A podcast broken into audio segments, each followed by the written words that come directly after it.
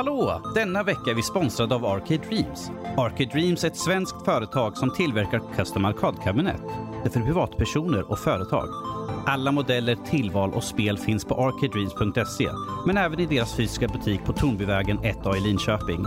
Beställning kan göras direkt i deras webbshop eller i butik och det finns via Klarna en mängd betalsätt att välja bland. Tack till Arcade Dreams.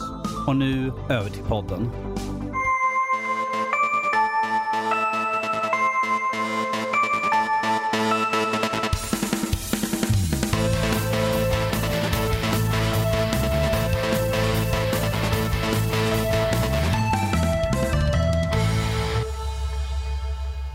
Och välkomna till Nördliv, en osensurerad, oklippt och fruktansvärt nördig podcast. Om spel, film och allt möjligt som är nördigt. Eh, dagens datum är den 1 februari 2020 och eh, detta är avsnitt 245. Jag heter Mattias och med mig sitter Emil Jo men!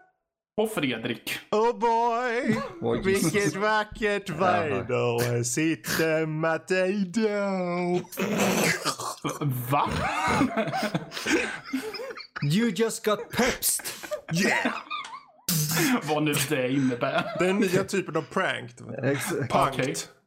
Det låter som en fruktansvärt dålig programidé. Ja, Oh det- boy! Jag blir ju pepsad! Men be- Pepsigt värre. Betyder det att det är Peps Persson som går runt och sjunger folk i ansiktet eller vad? Ja, så länge han nu lever. Så länge han sjunger dem i ansiktet och inte något annat snusk. Oj, oj, oj. Talar han så vill jag inte veta av något. Ja, alltså med tanke på att eh, han, han är väl lite av en hippie så kan väl hans eh, skägg eh, innehålla lite allt möjligt. Wow, det där var... Mhm. Så du menar alltså att han, han är gjord av droger? Det är vad du säger alltså? Nej, det, det det, det är jag exakt det du säger. Nej, ja, det hade inget med hans droganvändande att göra. Så Det- du, du, nu, nu bekräftar du alltså att, att Nej, det nej, har det inget har- med hans droganvändande att Det göra? här är alltså. Så exklusiv nyhet från Nördliv Podcast. Ja, det- Peps Persson är full av droger. han det ha- dog det hade- idag. Det hade möjligen med hans personliga hygien att göra. Alltså jag bara hoppas att mannen inte dör det här året för då kommer det här avsnittet vara extremt osmakligt. Ja, men Det blev det, ett år till. det finns ju folk som tycker om äckliga saker som ananas ändå, så det är Oh, lugnt. Okej, det där är ett påhopp igen. Nu ska vi se. Peps Persson på en pizza, det kan vi alla enas om vore äckligt. Peps Ananas. mm. ananas. Ja, det där var ju väldigt... eh, Ananas ska inte komma i närheten av Men en Matte, pizza. vad ska Va? vi prata om idag då? Ja, vi ska prata om saker. Nej, men eh, det, vi har lite nyheter som eh, vi förhoppningsvis kommer gå igenom. Det kan innehålla tamagotchis. Det kanske inte innehåller tamagotchis. Det kanske innehåller lite saker. Alltså, det där var jättedumt, men The Thing. Det kanske innehåller Ja. lite EA. Ja. Vi får se helt enkelt får vart, eh, vad katten har i sitt sköte, eller vad man Oh. säger. Vad Peps Ja. har i sitt skägg. Oh boy, jag har en katt i mitt Ja, sköte. men eh, vi kan väl börja med att fråga Emil. Jo. Har du tittat på eller spelat något som är intressant att prata om här? Ja, det har jag faktiskt. Jaha. Uh, Jo, men jag har, eh, jag har spelat eh, ett väldigt kul litet spel som jag fick förra året. Eh, mm, Ja, Får du spel bara utdelat till dig sådär? ja, eller hur? Det ha- hade ju inte med andra saker att göra. uh, Gibbos A Cthulhu Adventure. Ja, just det. Jaha! Ja, Det är eh, det som har en katt på visningsbilden va? ja exakt. Ja, det är Det typ är- det enda jag vet. Alltså, ja, du kommer älska det här. Eh, Alltså det här är ju ett spel som bara skriker matte alltså. Ja, alltså- Sweeney-bomben. Ja, alltså jag vet att jag fick förfrågan och recenserade men jag kände inte att jag kunde få ut det till deadline då tror jag. Nej, Så det är rätt långt. eh, ja. Eh, Men det är fantastiskt. Är det. Men, att det är du, ett- men ni delar ju bibliotek så han borde väl kunna spela det då? Ja, han kan ta den här som. det kan jag göra. Men eh, alltså är det typ ett klassiskt LucasArts-aktigt peka-klicka eller vad? Ja, senare LucasArts. Man ska Okej. säga. Alltså med animationer och allting. Lite som påminner om Curse of Mon- eh, Monkey Island. Mm. Oh, okej. Eh, fast du vet ännu mer smooth och fluent. Eh, det är författat, eller ja, manuset är fantastiskt underhållande och kul, fullproppat med referenser fast på ett smart sätt som man gör att man inte säger du vet, ah, ja, jag fattar, det är populärkultur utan små roliga repliker här och där och man säger, ah, jag fattar, jag fattar. Eh, vad handlar det om? Jag misstänker väl att det har med Cthulhu och Old Ones att göra på grund av titeln. Ja, alltså Gibbons of Cthulhu Adventure. Det är svårt att Ja. inte se att det handlar om liksom, Ja. eh, eh, ja, Lovecraft. Men, men det, det är liksom gjort på ett sätt. eh, de har liksom vävt in väldigt mycket av historierna och lekt med den. För att Mm. det finns en del saker som kan vara lite långsökta och så Mm. i, i, i Lovecraft och, och sådär. Och väldigt trångsynt om man ska säga. Men de har eh, lättat upp stämningen väldigt mycket så det är väldigt kul hela tiden medan man rör sig igenom eh, den här Lovecraftiska världen efter, eh, eller på jakt efter vad man ska göra med typ The Necronomicon som en speciell kult är ute efter. Okej. Eh, så det, det är väldigt kul. Ja. Eh, charmigt som fasen. Du har en, en, en talande katt som följer med dig hela tiden som är så extremt härligt dryg. Du spelar Så som en sån här, lakonisk katt nästan. vad, sa, vad hette det sa du? Lakonisk. Lakonisk. Ja, heter det inte så? Det låter som att, alltså jag trodde du sa typ Selakil först eller vad det heter. Jag tänkte, vadå glutenintolerant? Det hade ju varit jättekul. Jag menar, Curse of Monkey Island hade ju en laktosintolerant vulkangud. Så varför kan inte det här vara en laktosintolerant katt? Ah, Okej, ja, det är fair. Det är fair. Fast- det är inte Fast katter är väl per definition laktosintoleranta? Jag har ingen aning Nej, jag, har, faktiskt. jag har hört det någonstans att Jag ska katter mata inte katten kan med mjölk. bryta ner laktos. Så, men ska skitsamma. döda katter. I- Vad Eh, menas med en lakonisk katt, Fredrik? Ja, Han, precis. Ja, det är liksom att den är väldigt så här, fåordig. eh, Så här, näst, det, du var inne på dryg där. De är korta och koncisa och liksom... Mm, det är så här jag tycker. Så, deal with it. Ja, om man inte provocerar henne eller frågar henne för mycket dumma frågor för då blir Precis. hon väldigt irriterad. Och bara, ah, alltså seriöst, ska jag verkligen behöva göra hela skiten åt dig? Exakt. Ja, eller Eh. typ, har den funktionen att den kan ge... Att katt, har katten funktionen att den ger hints om man vill, eller vad? Precis, men inte Ja. hints på det sättet som både du och jag stör oss på. Utan eh, i exempelvis Fantasmagoria, det första spelet, så finns det en eh, typ hintmaster, eller vad man ska säga. Och, och han eh, säger typ Ah, jag vet inte vart jag ska, eh, kanske man undrar. Så klickar man på honom och så There's a key on the kitchen shelf. Okej, det kunde ju varit lite mer subtil. Ja, Sure. Eh, Vad kan här- den vara? Ja men det blir nästan, alltså det blir så, man känner sig lite dumförklarad. Medan katten är mer såhär, really? Jag- Just, just let us fucking go home. Typ. Inte svär men såhär, då fattar man att hon vill gå hem. Och går Ja. man hem så kommer man kanske kunna hitta någonting mer. Ja. ja, men det gillar jag att man eh, får liksom bara en liten subtil pet i rätt riktning, om man säger så. Mm. Det är inte typ här har du lösningen, pang! Nej precis. Så att man typ får dåligt samvete för att man ens frågade. Nej, det, det är lite det jag vill försöka undvika. Att bli du vet, eh, ned, ta, ner till av ett spel. Så eh, jag tycker ändå de har en bra balans där. Karaktärerna är ascharmiga. Vi har eh, en av mina absoluta favoritkaraktärer, i alla fall namnmässigt någonsin. Och det är eh, Ark... Eh, Ark... Ark... Ark K-Type. Eh, och han är en Wow. Okej. Och jag skrattade så jäkla högt första gången han presenterar sig. Det är fruktansvärt roligt. Ja. Ja, har du spelat det här Fredrik? Jag har faktiskt också, men jag, jag har inte kört lika mycket som eh, Emil. Har jag inte. Nej. Eh, men jag tycker ju också, alltså, jag, jag kan ju inte säga annat än att jag blir väldigt, jag är ju väldigt svag för bara det estetiska av det här spelet måste jag säga. Ja, jag tänkte det var ju, det är ju en katt med så. Ja, ja, ja, jag var ju såld bara på den alltså. Ja. Nej men jag, jag ser fram emot att köra mer. Jag, jag hade ju dock, ja, det lilla jag hörde, det, det, det hörs på något sätt att inte eh, röstskådespelarnas teknik är lika bra som kanske någon så här superproduktion. För det känns ibland Definitivt. Inte som att de är, det känns, du vet i vissa spel så känns det som att de befinner sig i miljön. Men i det här fallet känns det lite så här, det känns lite, ja, kanske väldigt indie på något sätt. Men Ja, det- ehm, å andra sidan, om det är den enda nackdelen jag hittat hittills på den lilla stund jag kört så är det ju ingenting. För Mm. replikerna är ändå solida och det är liksom bra. Jag tyckte det var bra skådespeleri. För det är väl inga, det är inga kändisar i den här va, antar jag? För jag... Doug, vad heter han? Doug Creckle som spelar Witcher. I, eller gör rösten till Witcher. Jaha, Jaha. okej, coolt. Intressant. Nej men eh, ja, det är väl egentligen, och det är den enda lilla petitessen jag har. Eh, Och det är ju rent så här, tekniskt nästan kanske. Ja, spelar man med skräphörlurar så kommer man inte märka det. Nej, precis, precis. För jag, det var typ det enda jag märkte också som var så här, oj det där var Mm. off. Men i övrigt ingenting som jag stört mig på. Nej. Jag hade ju önskat på något sätt, och det här är ju ett, kanske ett problem för många peka och klicka överlag. Att dialogerna, som att eh, det är något tillfälle man till exempel börjar prata med karaktärer, alltså som en cutscene liknande grej. Men Mm. då måste ju karaktären gå fram, säga till sin replik, sen blir det en paus och sen kommer den andras replik, så blir det en paus. Det känns ganska styltigt ibland på det här sättet kände jag. Eh, det är inte som att de i verkligheten när vi pratar så här då kanske du börjar prata precis innan jag tar slut på min dia- eh, snack liksom. Ja. På det. Så det är väl Mm. egentligen det att det blir lite så. Men det är lite av någonting som är kanske för klicka överlag.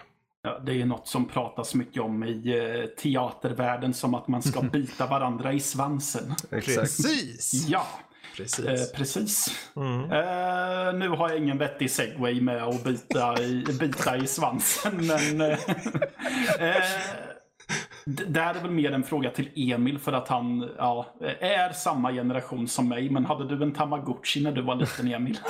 Jag hade nog flera, men ja, jag hade en Ja. Tamagotchi. Ja, det hade jag med. Fredrik, var du för gammal då? Ehm, Eller, Han var för gammal, men han hade tre. Tamagotchina, de kom ju i slut på 90-talet. Då gick jag i gymnasiet. Så då, ja, och jag gick ju estet. Så ja, det fanns eh, massor med Tamagotchis. Inte hos mig. Men alla Nej. mina tjejkompisar hade ju det. ja, okej. för- Danny också säkert. Nej, han Ja, var inte. för, för när jag var liten så var det ett, det var dåtidens eh, frustrationsmoment för lärare Mm. att alla dessa tamagotchis kom upp. Och nu för tiden är ju det utbytt mot eh, te- mobiltelefoner. Ja, precis. Men eh, tydligen tycker eh, Bandai America Mm. att vi behöver tamagotchis. Ja, med mer. Pac-Man. Oh, Jesus. och eh, ja, det är typ det. Mm. Det är en ehm, det är en Tamagotchi. Mm. Du kan göra precis vad du kunde med Tamagotchis då. Du ehm, eh, har en karaktär som du ska mata och ta hand om och leka lekar med. Och Mm. du får se hur den växer från ett litet ägg till en vuxen och tydligen så finns det sju vuxna animationer beroende på hur väl du har tagit hand om din Ah. Pac-Man Tamagotchi-karaktär. Så frågan är om det finns en alkis-karaktär i så fall. Drunk Jag vill- Pac-Man. ja. Ja. Han sitter och gör kors, så här, körsbärsdrinkar istället. Bara, "Ah, nu jäklar, ta det här. ja. Mm. Och, eh, rekommenderad åldersgräns är tydligen 8 plus. Okej, men då Ja, köper vi ett par till Emil här så han har lite Yes. Eh, Ja, precis. Jag behöver ännu mer stressade teknik som skriker på mig. det. Ja, jösses. precis. Um, Ja, de släpps ju den 15 mars sägs det på officiellt då. Så det, Precis. det är inte öppet än. Men det är en liten tips där. Det är Pac-Mans 40-årsjubileum. Det är därför de görs. Så, Ja, precis. Gimmick! Yes. Eh, något som kanske inte är gimmick, men lite, eh, lite mindre barntillåtet. Det är rykten om att Silent Hill har två spel under Ja, just utveckling. det. Ehm, ja, Mm. Jag, jag är väldigt se. konfunderad över det. För på ena sidan, eh, när du säger det så vill jag jubla. Mm. Och på andra eh, hållet vill jag bara sucka och du vet, gräva ner mig i ett hål igen. yes. Eh. Ehm, tydligen enligt eh, comicbook.com, som jag läser från F-sidas sida by the way, Mm, så att ni vet. Eh, Så enligt comicbook.com som vidare rapporterar uppgifter från en tidigare trovärdig källa, Ace, Aesthetic Gamer. Aesthetic Gamer ska det, ska det ena vara en sorts reboot av serien. Det andra spelet ska vara avsnittsbaserat. Tänk The Walking Dead och ska fungera som en sorts kompanjon till rebooten. Mm. Det gjorde mig inte mer positiv. Nej, jag tänkte att så fort det var reboot så... det- Alltså rebooten en- har jag inte så mycket. Ja. Det här kompanjonsgrejen tycker jag är lite fånigt. Reboot, jag menar det är väl oundvikligt förr eller med allt känns det som. Jo. Men, Jo, ehm, men det, kan, det kan vara bra sak att göra nu med tanke på hur mycket Ja. mög de senaste delarna har varit egentligen. ja, jag tror, men jag, ja. jag litar inte på Konami. Nej, precis. Det var det jag också tänkte komma till. Att det spelar inte så stor roll om de gör det, mer som att vem som gör det. Mm, Och gör Konami det som typ bryr sig mer om Pachinko-maskiner och fläsk än eh, spel.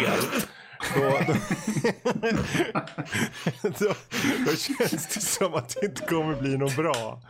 Är det någon här som vill utveckla nya Silent Hill? Det. Med det sagt, med det sagt, det var ju också apropå rykten. eh, och jag tror det var este, uh, Aesthetic Gamer också som hade det. Att det var eventuell upptinade relationer mellan faktiskt eh, Kojima och eh, Mm. Konami. Eh, så jag, jag tvivlar ju dock ganska starkt fortfarande på det. Men det kanske finns att han kan ge idéer eller någonting så att de har något att följa, på, följa upp på eller något. Vad vet jag? Om det nu skulle Ja. vara sant då. Ja, Ehm. men det är fortfarande Konami. Jo. Mm. Eh, jag personligen känner väl, eh, ja, det, ja, ja, för mig kvittar om den kommer tillbaka om jag ska vara helt ärlig. Men, eh, för jag tror det blir svårt att slå eh, originalens kvalitet och särskilt när du inte har någon drivande person. Tror jag, Jag har, ju, jag har ju ärligt talat inte spelat Mm. originalspelen något nämnvärt. Mm. Har jag inte.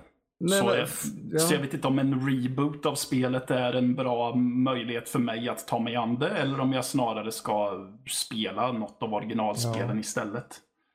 Jag tror det är, s- alltså Mm. det är svårt. För om man säger så här, ja, men kör originalspelen. Ärligt talat, du kan få en ganska dålig upplevelse idag. För kontrollerna på de första, till exempel två, det var väl inte det bästa. Det, menar, det, det är barn Nej. sin tid. Så Ja, du, alltså- ja, Precis, det lilla jag har spelat så har jag ju stört mig jättemycket på att det är klonkigt och störiga Ja. kontroller. Men jag vet att när jag jag tror att det var att Emil var med då, för vi var två stycken som testade första och så satt Emil bredvid. Mm, och jag vet mm. att jag tyckte om pusselgrejerna för att Mm. de stimulerade min eh, peka-klicka-hjärna på något sätt. ja, just det. Jo, men de, de Ja. är, alltså, jag har ju alltid varit mer Silent Hill och Resident Evil. Mm. Uh, Och för mig känns det lite som att om vi kan få en bra reboot som tar med sig, för jag håller kanske inte 100% med om att Silent Hill 2 exempelvis kontroller har blivit sämre. Alltså tar man byter bort tankkontrollerna, vilket jag väldigt gärna gör alla dagar i Mm. veckan egentligen. Så tycker jag att tvåan fortfarande styrs okej. men det är det att det finns inget sätt att spela det idag på ett bra sätt. Nej, det finns den här. HD-samlingen som skräp liksom. Um, och man går inte ut och köper en PS2 bara för att kunna spela ett, ett spel liksom. Nej. Uh, så om vi får en reboot som kanske lyckas hålla sig i samma ven som Men... eh, uh, 1 till 3 så hade jag varit jag jättenöjd. tänker, måste det vara en reboot? Kan de inte bara göra en Resident Evil 1 och vad säger, 2 remake liknande av det? Jag tänker, känn på marknaden först. Gör en ordentlig remake. Eh, det här med, som första Silent Hill, som så här med tank controls och sånt. Alltså jag personligen tycker att det är ju jag vill inte se sånt spel, vi har gått förbi det. Mm. Jag, jag, jag, jag har god lust att skrika åt utvecklingen. Men vad tänker ni med? Mm. Så, men om de gör som för Resident Evil 2 som de har visat i de här, det här spelet liksom är ju att du kan ta konceptet, du kan ta idén, du kan ta berättelsen, du kan fräscha till det och publiken blir de, gam, de gamla rävarna tycker om det här är skitkul, det här är min gamla berättelse, jag får den igen. Och de nya, de om det här är ju skitbra spelmässigt, tredje person eller något sånt. Jag tycker gå den vägen först och sen gör en reboot om ni vill. Ja, får, vi, får vi ett Silent Hill 2 i samma stil som eh, Resident Evil 2-remaken så är jag mer än öppen för det. Ja. Men jag vill verkligen bara inte att det ska vara Konami.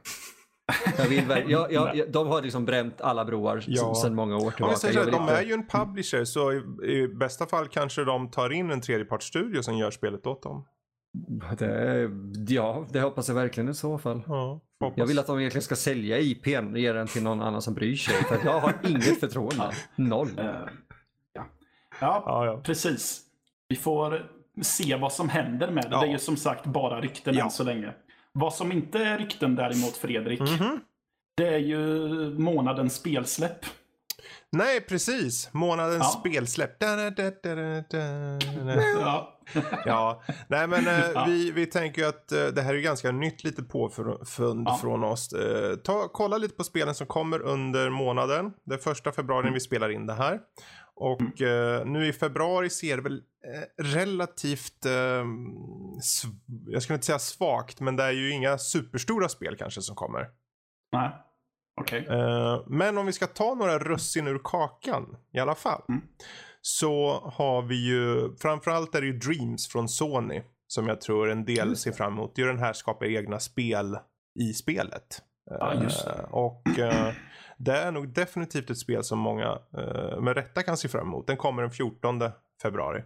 Ja, jag, när jag researchade det för någon, må, någon vecka sedan eller så, så vet jag att många nämnde det här Garys mod i samma Ja, andetag. precis. precis.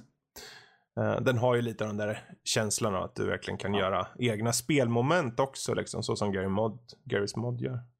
Eh, sen så har vi ju, eh, det är mycket småspel, men ett spel som heter The Blind Prophet. Eh, ett PK-klick-äventyr som kommer. Just det. Ja, just det. Eh, och ser ut att vara väldigt stilistiskt. Alltså det har nästan animerad, handritade möter Telltale-känsla i sitt utseende. Men, Precis, fast ännu mer serietidning Precis. än Telltale. Och det är en sån här point and click äventyr med narrativ, eh, stort fokus på narrativa eh, delen. Och det tror jag kan vara värt att hålla utkik för. Det kommer Ja. faktiskt redan den femte. Det är nice. Eh, så... Jag är väldigt intresserad av Ja. det. Mm. Precis, och sen så har vi ju, och sen har vi för oss nötter som, som jag då som gillar sån här offroad-åkande med stora fordon som man mosar lera upp i ansiktet på mig själv och jag skrattar glatt. Vi har ett spel som heter Overpass som kommer i slutet Ja, på månaden. just det. Eh, The Big, eh, Big Ben Games som släpper den. Och det är en offroad simulator kan man säga. Fokuserar på att man ska liksom klara att eh, ta sig över eh, mark och eh, kullar och allt vad det är. Man kan säga att det är trials fast med bilar ungefär. Det, det känns lite som spelet som eh, ger dig möjligheten att ta hämnd på alla träd du någonsin körde in i i tidigare Need for Speed-spelen. Ja, ja. Kanske det. Eh, Men det är i alla fall så här, hinderbanor på vild, ute i vildmarken med karriärsläge och buggies och allt vad det må vara. Uh, Fyrhjulsdrivna små eh, mo- motorcyklar och allt vad det är. Eh, ja, ja, den kommer den 27 eh, februari. Ja. Och också Ja, ett sånt där spel som jag tycker kan vara värt att hålla koll på. Det håller jag med om. Jag Vad kul att du upptäckt- håller med om det. Hade du koll? Ja, men alltså jag har ju upptäckt att jag faktiskt tycker att det är roligt att köra bil i spel. Mm. Jag hade ju, jag hade ju faktiskt eh, VRC 8 på min eh, årsbästa lista. Mm, Så. precis, just det det. får man inte glömma. Nej. Sen har vi också ett spel som heter Mindseas som kommer nu redan den fjärde. Och det är 2D Metrovania-spel fast med sci-fi eh, stuk. Eh, du utforskar olika planeter och slåss mot fiender och, och det är såklart lite bossar och sånt eh, i, i din jakt på att hitta eh, någon typ organisation som har tagit eh, sinnet av din dotter. Det är jätteudda upplägg, men det är ju sci-fi och allt sånt där. Eh, du kan uppgradera och du kan utforska som sagt och så. Den kommer då nu i början här faktiskt den fjärde. Den kan också vara värd att hålla utkik efter. Finns på Steam. Ehm, Ja. Jag tror överlag de här spelen nu som vi har tagit upp förutom då Sti- eh, Dreams kommer vara Steam-spel. Bara så ni vet. Mm. Men jag tror nog att det, det räcker. Det finns ju fler men jag tycker det där är lite av eh, russinen ur kakan så att säga. Mm. Ja, Så att, trevligt. ja. Ja. Eh, är du trött på att prata? Jag är aldrig trött att prata. Nej, jag, en fågel viskade i mitt öra att du har tittat på en film Ja, ja. Mm. som heter The Farewell. Åh, farewell. Det här är en kinesisk-amerikansk produktion. Mhm. Eh, och eh, själva upplägget, eller vad ska man säga, premissen är att en, eh, den familj som upptäcker att deras mormor är döende. Men de bestämmer sig för att inte berätta för henne att hon är döende. För det här är tydligen vad de gör i Kina. Eh, så de planerar då istället bara, eh, ja men eh, vi planerar ett bröllop istället. Vi, bara för att de ska kunna få över folk som ett svepskäl att kunna vara där innan mormor dör. Eh, och det är väl egentligen, det är själva premissen och det upplägget. Det är en skådespelerska som heter Aquafina som är i huvudrollen. Mm. Eh, hon är ju kinesisk-amerikansk. Och det är ett lågmält dramakomedi. Där komedin är mer en naturlig, liksom, eh, verklig typ av komik. Som är liksom vardaglig komik. Sånt som händer oss i verkliga livet.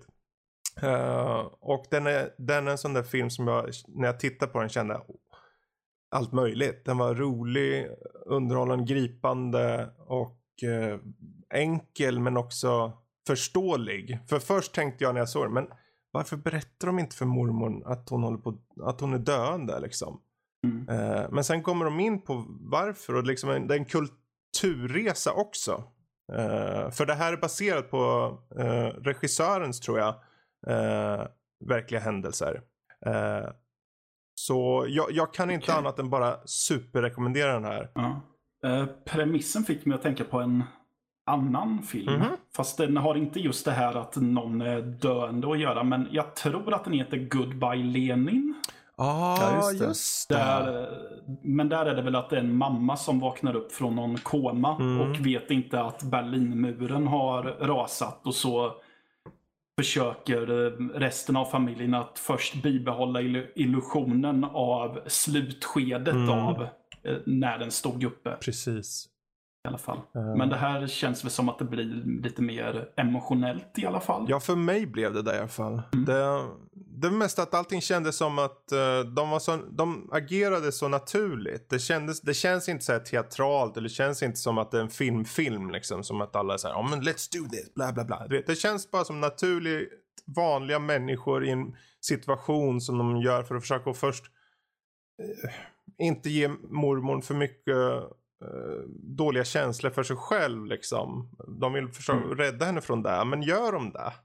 Eh, hur mår de av att de inte berättar det? Eh, och det är väl egentligen, det är bara premissen liksom.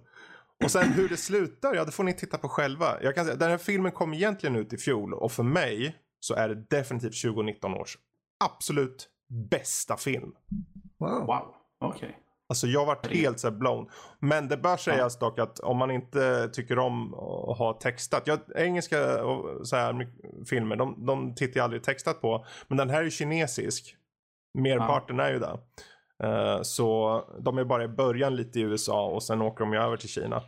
Eh, och sen är det bara kinesiska som gäller. Så gillar man inte det så kanske man bör fundera då lite extra. Men eh, Jag har inget problem med att se på textade filmer. Mm. bra. Jag har, jag har, har jag möjligheten så kan jag till och med sätta igång text Oh, ja. även om det är på samma språk. Mm. För att jag kan ibland tycka att det är, eftersom att jag ibland tittar på film ganska sent så kan jag tycka att det är skönt att jag inte behöver skruva upp volymen allt för mycket för att kunna höra Mm. vad som sägs. Så är det ganska skönt att kunna ha möjligheten att läsa vad som sägs för då hör jag lite bättre också. Ja just det. Ja, jag brukar ofta argumentera med amerikaner att man är halvt korkad om man väljer bort liksom utländsk film för att det inte är ett språk man förstår om det finns undertext. Det är liksom, Ja, ja. Man missar så mycket bra film Ja annars. verkligen. Att de ens... Ja. Ja, det ska vi kanske inte gå in på. Det finns en jättestor diskussion där. Oh. Diskussion i sig. Ja. Eh, annars kan de ju göra en remake av den. Mm. Ja. Ja, och remakes är ju något som är ständigt på tapeten. Ja, kolla, den Så, ä- Ja, så bra. även nu. Ooh. Eh, senaste klassikern som, eh, alltså det är ju förmodligen flera stycken i pipelinen som jag eh, antingen har glömt bort, ignorerat eller bara inte vet om. Mm, mm. Men den största som jag vet om nu det är att man vill göra en remake på The Thing. Just det. Mm. Eh, eh, den, Mm. det vill säga filmen baserad på eh, John W. Campbell n- novell Mm. Who Goes There. Fick först en filmatisering i form av Howard Hawks eh, The Thing from Another World, eller Fantomen från Mars, som den hette på svenska. 51. Och sen så har vi ju John Carpenters numera klassiker från 82. Jag älskar den filmen. Som är... Jag tror, vad jag förstått det rätt så följer den grundmaterialet bättre än vad Ja. Thing from Another World gör. Eh, det kom en pre-make 2011. Hush now. Det vill säga, det skulle vara en... Det är både en remake och en prequel på något konstigt sätt. Okej. Jag visste inte Ja. att det var någon form av remake. Jag tror det bara var en prequel. Ja, precis. Jaha. Men folk kallar den gärna för remake och eh, Man kan eftersom... inte klandra dem med Nej, den jävla precis. titeln. Ja. Där- Men jag tycker att pre-make är ett så mycket roligare ord för det. Ja, jo. Let's do en premake. Ja. Men anledningen till att Blumhouse och Universal vill göra den nu är för att härom året så hittades ju John W. Campbell Jr.'s manuskript till en numera släppt roman som heter Frozen Hell. Som helt enkelt är Who Goes There fast den är utfläschad till en romanlängd istället. Mm. Så nu har, är ju resonemanget att det finns ju mycket mer historia att ta ifrån och göra en remake av. Mm. Fast det gör inte det. Jag har Nej, läst alltså, de sidorna. Alltså har du, har Jag- du läst Frozen Hell eller vad? Ja, jag har läst Okej. den versionen. Ja. Eh, och liksom läst vad är det som är borttaget och ändrat. För jag hade väntat länge på att läsa Who Goes There. Så släpptes ju Frozen Hell och bara oh, förlängt, oh, mys. Ja. Eh, och det, det jag förstod som var tillagt är så extremt onödigt. Okej. Det, det är verkligen, för, för en författare fattar jag det helt. Jag förstår det helt. Det är precis som ett manus. Man så vill fylla ut vissa saker eh, för sig själv så man vet vad karaktärerna är, vilka de är, var de kommer ifrån, vad deras viljor är. Sen tar man kanske bort saker för att man upptäcker att det där är överflödigt. Det är exakt det de här sidorna innebär. Så jag fattar inte exakt vad det är de tänker att de ska göra en readaption av. Jag, Ja. jag, jag, kan inte sätta mig in i det. Nej, alltså precis. För jag har funderat på det här. För först var ju, var ju min tanke att det var ett rimligt resonemang till att göra en remake för att det finns något nytt att berätta. Men om de nu inte tillför någonting till berättelsen så är vi tillbaka till ruta ett. Det, sen har jag funderat på en annan grej. Uh, alltså, vet vi historien bakom manuskriptet? För det jag har fått till mig är att man helt plötsligt bara kom över ett osläppt manuskript Det av hittades, författaren. Ja, det hittades typ, du vet det där klassiska i, i en låda på typ vinden hos honom. Ja, precis. Och där blir jag lite... ehm, det kanske finns en anledning till att den inte är publicerad. Exakt. Det kan vara något så banalt som att han, hade, att han dog innan han hann och skicka den till förlag. Men jag tänker också, det kan vara ett första utkast av Det, det, romanen. det, det är det, det, det, Ja. Han har ju liksom pratat om, eller han är ju död, men det, liksom, Ja. tittar man på Frozen Hell med det som finns publicerat så är ju bara det, det är bara mer. Ja, Men precis. det, det är ett första utkast, det ska, inte- Ja. det, det ska inte göras. Ja, så det kan ju till och med vara, ja, det- alltså det kan ju vara ett första utkast som man kanske till och med har redigerat ner till bara själva Precis. novellen Who Goes There. Exakt. Och då blir det ju att jag får lite så här att då går man ju lite emot författarens intention Mm. med vad som ska finnas släppt. Och, men sen, det här är ju inget nytt. Det är ju likadant när man släpper eh, osläppta demotapes med kända musiker. Mm. Så blir jag ju lite så här, ja men som fan vill man väl höra det, men samtidigt det var ju demotapes och osläppt av en anledning också. Precis. Ja, det är, ju- det är lite Mm. som man får ta det som bakom material nästan i så fall. Ja, men det här kan vara lite kul att lära sig om, men gör det inte till en stor ny grej. Hör jag en B-sida av, äh, Volbeat exempelvis är väldigt bra på det. Mm. Volbeat eh, med sina deluxe-utgåvor brukar alltid slänga med någon eh, demoversion av en låt de hade på förra plattan. Eh, och där de har eh, typ ändrat någonting eller där finns en till sångare eller sådär. Det är jättekul att höra.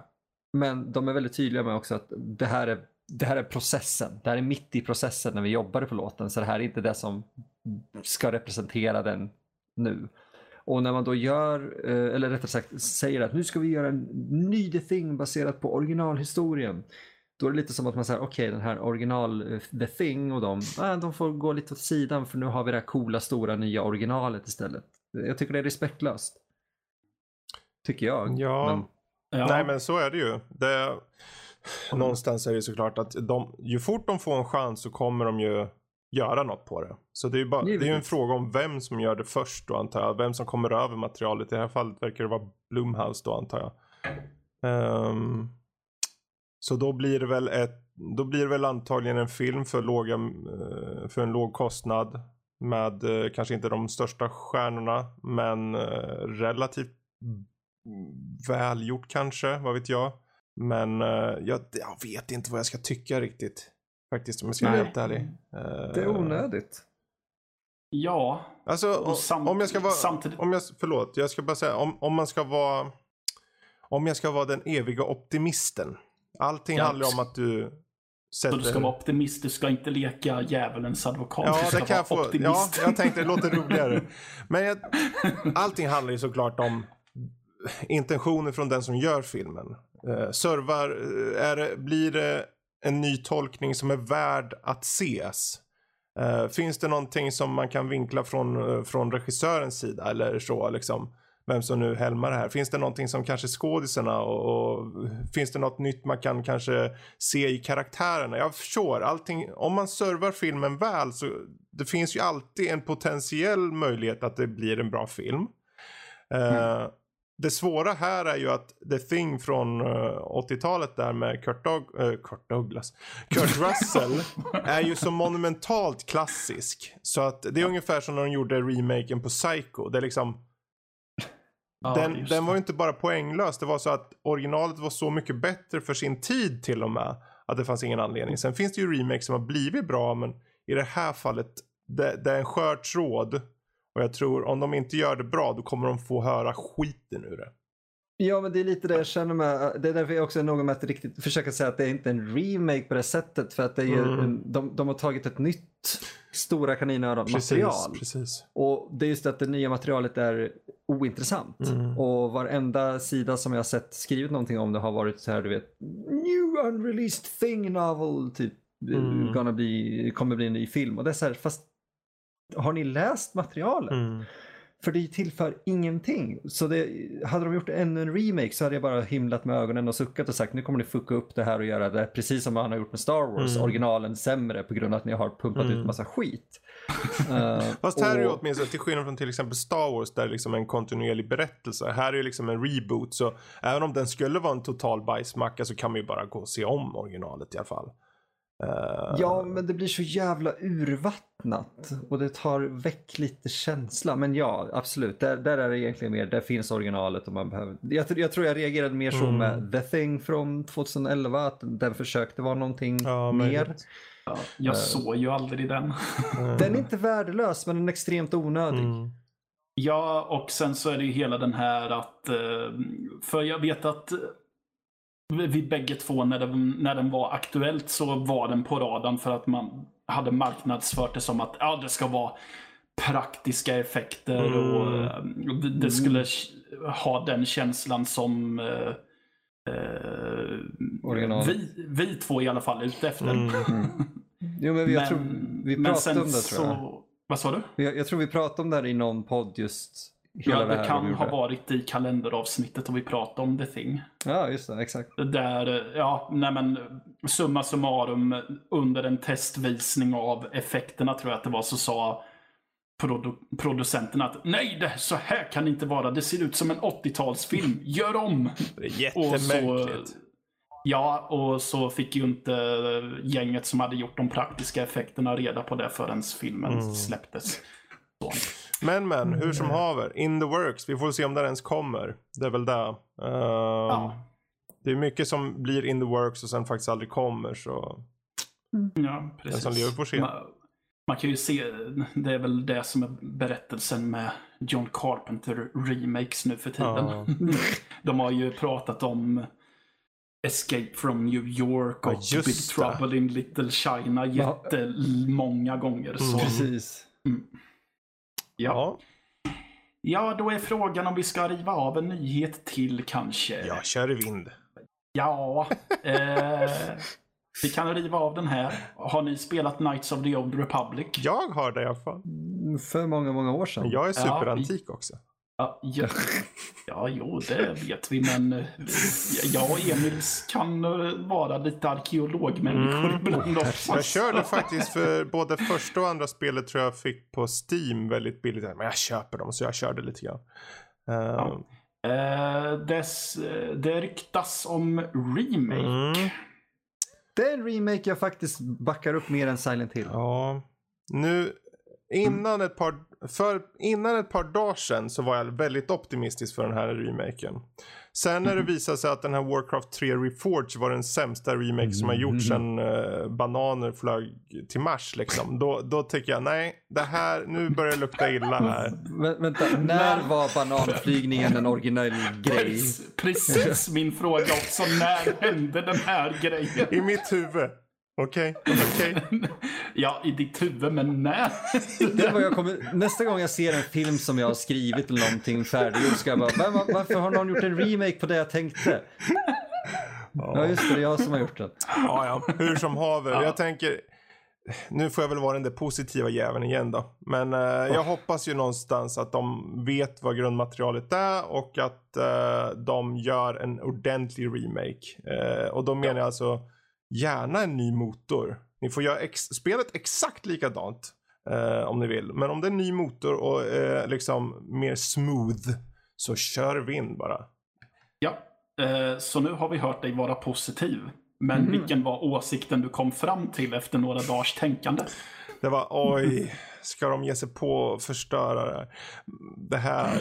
Men eh, nu, nu är det ju å andra sidan, det här är ju EA och det här med Warcraft, vilket jag kom fram till sen, det är ju Blizzard så det spelar inte så stor roll. Det är ju inte samma ehm, förlag. Men eh, jag blir bara så här, åh, tänk om de också fuckar upp det här. Ja, för EA, EA har ju... Vi är kända för att fucka upp saker. De har ju Ja. tack och lov haft sina kära Respawn som bara har levererat bra upplevelser. Titanfall och det är Apex Legends och det är Star Wars, det Jedi Fallen Order. Alla tre på raken, alla bra spel. Mm. Eh, om de bara låter så vara, för det är ingen som har sagt vem som gör det här och de har låtit Respawn nyligen för kanske en månad sedan eller någonting eh, få en egen studio till så att säga. En sidostudio eh, i Kalifornien. Och om det skulle vara att den här spelet är det, då skulle jag bli super, superglad. Super, super. Nej, ge det till Konami. Ja, gud. ja, jag vet inte, det finns inte så mycket mer att säga egentligen. Jag, jag hoppas Nej. att det stämmer och att det görs ordentligt. Det är väl det som alla kan önska sig Ja. antar jag. Precis. Mm. Ja, och nu är vi ändå inne på EA. Ja. Ja. Ja. Eh, de eh, har väl skrutit lite om hur Mm. gott det har gått. Eller jag vet inte om det är de som har publicerat det här, men Gamespot har gjort Ja. hur eh, faktiskt bra det har gått för EA förra Precis. året. Jag känner mig så sviken av hela gaming Det är ju community. nu, det, vi sitter ju i sista kvartalet på, på det fiskala året och nu kommer alla företag ha sina årsredovisningar och det här är direkt från deras årsredovisning som de måste visa utåt då. Eh, Mm. Och eh, man kan väl säga så här att det här med att folk beklagar sig över live services och mikrotransaktioner. Det trodde man Ja. skulle ha en stor påverkan sen eh, förut när eh, till exempel Battlefront och alla de här spelen fick så mycket backlash. Det trodde vi Mm. nog allihopa. De har ökat enormt mycket. De har ju eh, två tredjedelar av sin eh, egentligen eh, inkomst skulle man kunna säga. Eller bookings är primärt live service och eh, mikrotransaktioner. Jag spyr. Och eh, det har ökat sedan året innan dessutom. Eh, Så, så det, det betyder bara att trots att de har haft så mycket bad publicity, trots Ja. allt det här, så har de haft en, alltså de har haft 1,5 miljarder dollar i intäkter Wow! Det ja. är vidrigt. för, kvar, Ja, för, för- kvartalet. Mm. Ah, Ja, för som du säger, på, på, med tanke på den backlash som kom så tänkte jag att okej, nu kanske folk börjar rösta med plånboken Mm. som man så fint säger att nej, då ger inte jag EA mina pengar. Mm. Men bevisligen så har det ju varit tvärtom. Ja. Verkligen. Ja. Totalt tvärtom. Bara, bara i mikrotransaktioner så ska de enligt det här under de 12 månaderna i sin helhet ha tjänat 2,8 miljarder dollar. Ja.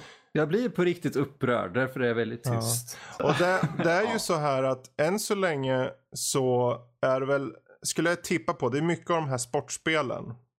Och även om vi sitter, jag vet inte hur många gånger vi har tagit upp de här mikrotransaktionerna, men publiken som lyssnar på oss, ni där ute, ni är ju kanske eh, till viss del de som spelar Fifa och alla de här.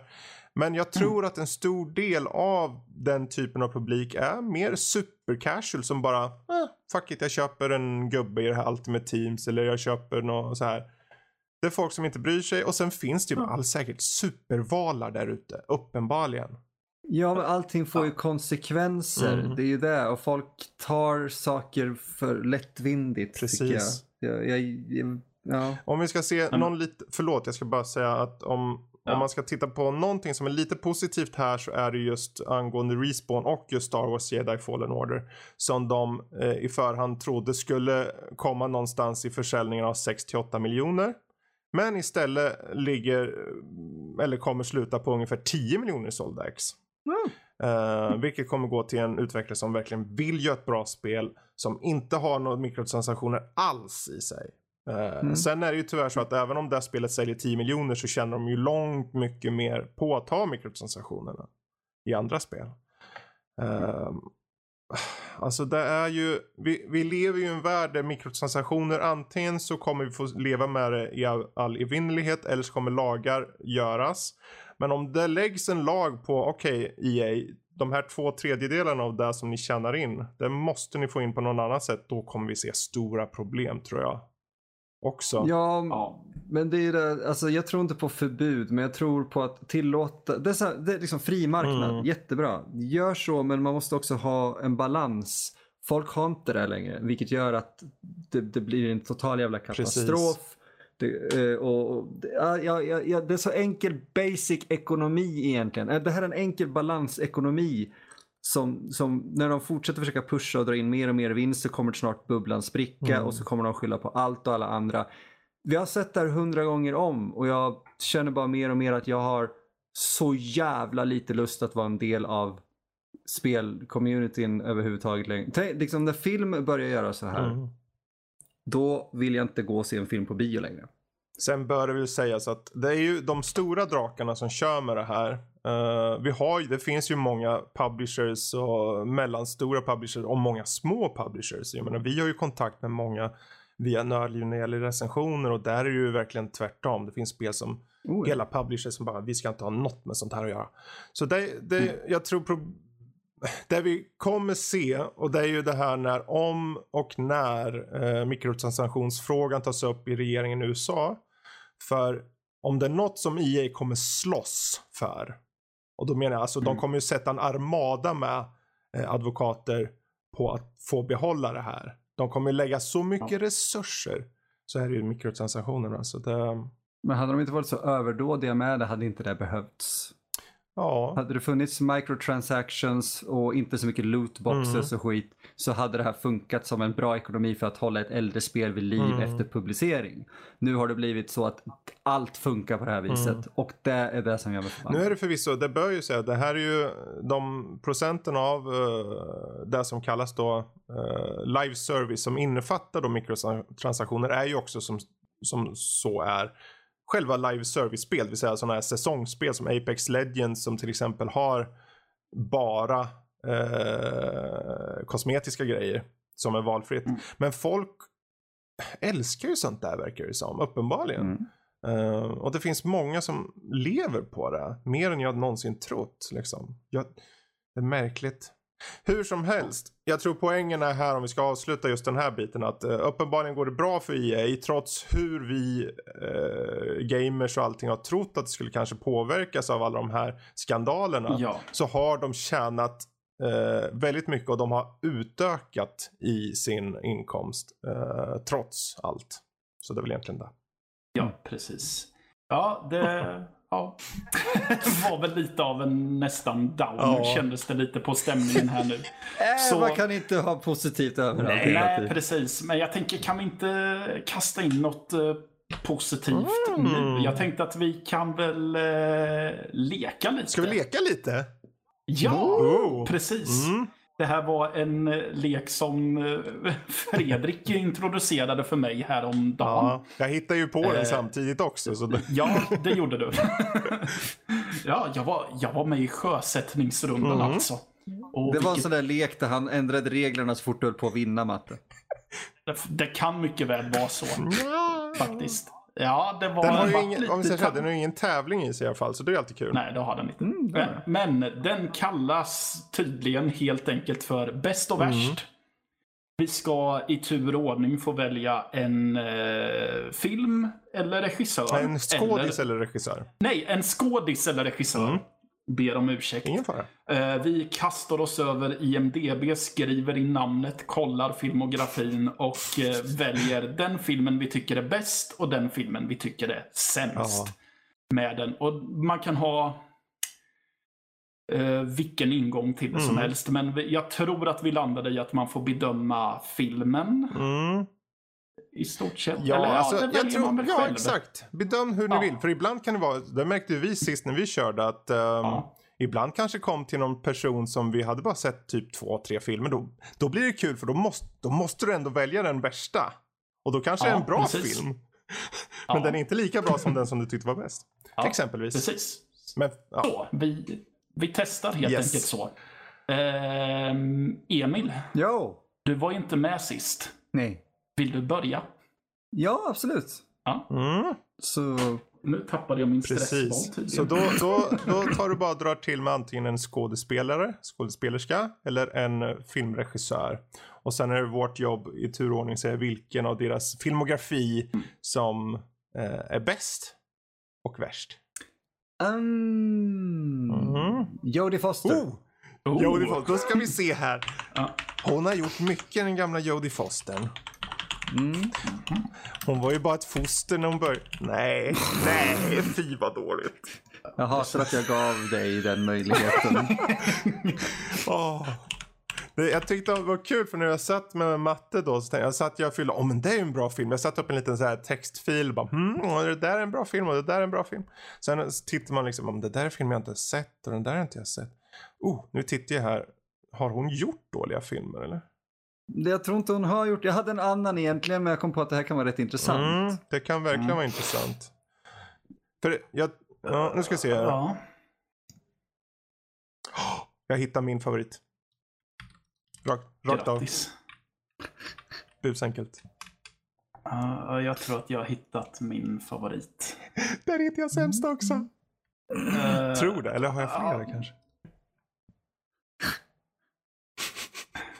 Mm, jag, jag personligen tror jag är klar i alla fall. Jag ser flera bra filmer här som är okej Mm. och vissa är jättebra och vissa är så här hmm. Men eh, jag tror jag är nöjd med mina faktiskt. Ja, grattis. Jag har inte hittat någon än. Eller jag har ju hittat eh, en som jag vill prata om. Skit, är det så att jag måste välja mellan... Ja, Ja, ja. Det här är bäst och värst. Vi får se om det här hålls kvar. Det kanske är en skitdålig liten eh, segment. Vi får se. ja, vi får se. Allt jag vet att du måste göra är att lägga in det här Vem vill bli miljonär? Du vet, Vem vill bli miljonär? som går i bakgrunden. Yes. Eh, ja, Emil, du valde ju så du får välja vem av oss som ska säga först. Okej, så Fredrik var klar först så vill jag höra vad han har att Okej, säga först. bra. För då är det ju så här att eh, Jodie Foster var ju aldrig så bra som hon var. Eller hon, var, hon har aldrig varit bättre än hon var i När lammen tystnar. Mm. Jag tycker att den, den filmen för mig, de, den, det är ungefär som Alien-filmerna. Som liksom, ja, men det där är bara, vissa säger att det är en sci-fi-film, vissa säger att det är en skräckfilm. Vissa säger att det är klaustrofobiskt drama till viss del. Alltså det finns en, någonting för alla. Och när, när lammen tystnar, jag vet inte hur många gånger jag hyrde den på VHS. med min stora syster åkte hem och bara njöt av att jag sket på mig när hon var i mörkret där i slutet. Med de här, när han såg henne och hon inte ser eh, honom. Oh, jag älskar den filmen. Hon har gjort mycket annat som är väldigt bra också. Men för mig så är det den som står ut. På eh, den motsatta sidan, nu blir det intressant att se om det är någon av er som bara ja men det där är faktiskt en bra film. Uh, det är ju när hon verkar vara mentalt dum i huvudet.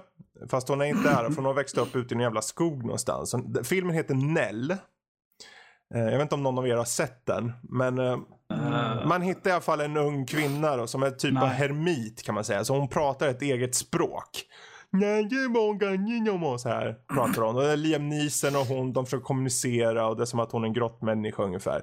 Den är, hon är inte, hon personligen är aldrig dålig tycker jag i någon film. Men filmen i det här fallet är ett magplask som gör att jag, oj, jag fick brännmärken på magen så dålig den var. Ja, en film kan ju vara jävligt kass men de som är med precis, i den kan fortfarande vara väldigt precis. bra. Så Nell får det bli för mig. Okej, okay, cool. Ja. Mm. Nu får eh, Emil välja om det är han själv eller matte. Jag tar matte först i mm. så fall. Du tar mig mm, först i så fall. Det här är intressant. Eh, ja, det här blir ju... Ja. Jättejobbigt för jag kommer ju fram till att jag inte sett oh. så många, alltså in, inte i sin helhet i alla fall. Mm. Så har jag inte sett så många filmer av henne som jag kommer ihåg riktigt. Mm. Men jag vill ändå på bäst säga Taxi Driver. Mm. Jättebra oh. film. Eh, alltså hon har ju inte huvudrollen direkt eftersom att det är De Niro. Mm. Men det här blir det filmen i sig. Den har en premiss som tilltalar mig väldigt mycket. För man skrämmer ju folk lite. Mm. När man säger att man kan relatera lite grann till en karaktär som Travis Bickle. Mm. -hmm. Men det är just det här. Jag kan ändå känna igen mig lite i eh, misantropiska karaktärer. Mm. För att just att man verkligen inte gillar vilket avskräde som mänskligheten kan visa sig ifrån. Och att man faktiskt ibland känner för att man vill städa ja. upp. Mm. Ja. Och då kommer vi till, vilken har jag då valt som värst? Mm. Och Tyvärr får jag ju faktiskt säga att där har jag faktiskt satt när lammen oh. tystnar. Just för Damn. att det är ju de två filmerna jag ja. har sett. Ja, men det blir ju så då. Och, och för mig så får jag ut mer av eh, Taxi mm. Driver mm. än vad jag får av När lammen tystnar. Men jag vill ändå säga att När lammen tystnar är en bra film. Uh, jag kanske inte ser den lika mycket som andra mm. gör, men jag tycker att det är en bra film. Ja, men det är jättebra. Precis ja. så. Ja. Precis så. Då så Då Emil, Emil nu ska vi höra. Ja. ja, alltså det roliga är att ni har ju tagit så här, ja, om man ska säga kända filmer mm. här. Och ja. jag vill på något vis, alltså jag hade kunnat välja dem. Mm. Men jag tänkte att det här är någonting som får, ni kommer förmodligen välja dem. Så jag ville välja någonting mm. annat. Mm. Och jag ville välja någonting som jag hade sett. Och hon har gjort väldigt mycket saker men det finns två filmer här som inte har nämnt. Uh, som jag har sett. Och, mm. Flight Plan. Ja, just det. Okay. Ja. Mm. Mm. Den är inte jättebra. Nej. Alltså, den är, den, jag gillar den konceptuellt och mm. sådär. Men det, det, känns lite som eh, när Family Guy gör en parodi på Liam Neeson och Taken. Att, eh, såhär, han springer runt på gatan och typ I'm looking for my daughter, get away from me, skriker folk. Liksom. Och det är mm. lite den känslan jag får av Flight Plan. Uh, den är inte jättedålig som sagt, men det, av de två jag valde mellan så är det den, definitivt den mm. sämre. Ja, jag kom på att jag har sett den. Nu ser du att du glömde bort den till och med. Så att det är så här, ja, ja, precis. På ett flygplan och... Hade jag kommit ihåg att jag hade sett den så hade jag förmodligen satt den som sämst egentligen. Men, men nu var det så. Nu, nu hör vi att Mattias försöker komma mm, undan sitt val med att Lammet tystnad är sämre mm. här. Ja, precis. Vad är då bäst då? Bäst om jag nu räknar bort, för jag vill inte ta någonting som ni du tog. Du får ju det om du vill såklart. Fast jag vill ja, okay. Go for it. Mm. Panic Room. Panic Room. Ja, jag kikade på den men jag tror inte att jag har sett hela filmen. Den är grym. Mm. Är den. Uh, väldigt spännande och uh, liksom en bra thriller. Väldigt bra skådespel. Intressant premiss återigen och den David Fincher-film skriven av David Coep. Ja, precis. Jag Så- glömmer alltid bort att det är en David Fincher-film. det. Jag tror de flesta gör det. Ja, Eh, Och Kristen Stewart är med. Ja precis. Så, och hon är inte sämst i den. Så det är nice. Och det är ju en bedrift i sig. Det får mig nästan Ja. vilja välja henne sen, men jag tror jag ska skippa henne faktiskt. Hon är den mest okarismatiska skådespelerska jag någonsin varit med om. I Ja, ja, Twilight. Nej, Ja, allt jag jag, har vet. sett nej. Nej, om, vi väljer, i om, om vi väljer Kristen Stewart så vet jag ju definitivt vilken jag sätter som bäst i alla fall. Åh herregud, nu måste jag verkligen... Ja, jo. Fan. Ja. Men ja, ja, det är nog det jag Mm. har att säga liksom om, om, om de Det här. räcker bra där. Det räcker bra. Då så Matte, får du ta bollen nu då eller? eller eh, Ska jag Ja, ta sure. bollen? Ska jag alltså välja nu får en? du i, säga åt oss vad vi ska ta för några Eh, jaha, skådespelare eh, eller uh, regissör. Jäklar. Ja, men eh, vi var inne på det så det känns tråkigt, men jag kan inte ignorera en god segway så vi kör på Kristen Ja men Stewart. gud. Åh! Då ska jag alltså hitta en bra film här. Jajamän. Okej. Eh, Nej. mm. Jag tänkte på att det måste vi också göra, fast jag har ju redan en som jag Ja, vet du har ju redan en. Ja. Jag hade ju kunnat välja den igen, men nej. En bra film. En bra alternativ underhållning. Mm, mm. Var hon med i den? Nej, det var en annan film. Okej. Ja. Eh, Nu kommer han ju dock till det här problemet om eh, skulle ha tänkt igenom hur många filmer jag faktiskt har sett med henne kanske. Exakt, det är så här, Ja, jag, jag är verkligen Bruno. pulling... Eh, Eh, Okej, jag, får ta, jag, får nog, jag får nog offra mig och ta den där som den jag tycker är minst sämst. V- var hon med i Bruno eller vad sa du? ja, det är hon... Nej, jag kan inte säga det utan att det blir väldigt... Oh, fuck. Oh, jag ser en cameo typ hon hade också. Den är också sämst. Nu ska vi se. Är inte hon med i den där? då? Vart är den? Vart är du? Vart är du din lilla vännen då? Gud. Med Mm. den också. Mm. Det har varit svårt. Eh, det här. Det, det vart jättesvårt det här. Mitt svår... Mm, Ja. jag gillar det. Ja. Nej, det får bli den där. För de där blir så tydligt enkla att ta. Eh, Mm. Ja, eh, tyvärr så känns det som att jag tyvärr måste gå enkelt. Så du blir alltså förutsägbar Mattias. Känns det bra? kan vara så, Mm. kom och bit mig i så fall. Mm, vänta du bara Bruno. Vad sa du? vänta du bara. Jaha du. Okej, jag tror jag har två nu. Ehm, Ja, Mm, eh, jag har nog två också. yes. Eh, ja, är alla klara? Ja. Ja. Eh, då kan väl Emil börja Mm. den här gången.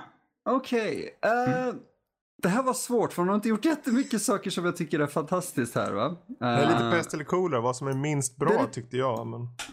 Det är lite där det blir. Hon har gjort ett par grejer som Eller är... minst sämst, menar Ja, jo, exakt. Och eftersom Panic Room, jag har valde den och jag tänker Mm. inte ta den igen. Och den tycker jag är genuint bra. Så eh, tänker jag säga som bäst Mm. American Ultra. Ja, just det. Jag har inte, Inte sett jag den men jag vet vad det är. Nej, men det, vi, det är det här, vi hamnar lite i den här äh, pest eller Mm, kolera. mm. kolera. Ja. Den, är, det, den är så tekniskt sett bra, jag tyckte bara inte om den. Eh, den har kul, den leker med en hel del idéer och sådär, så den är värd att Mm. se ändå. Um, sämst, och jag tänker inte bli uppenbar, Nej. Nej.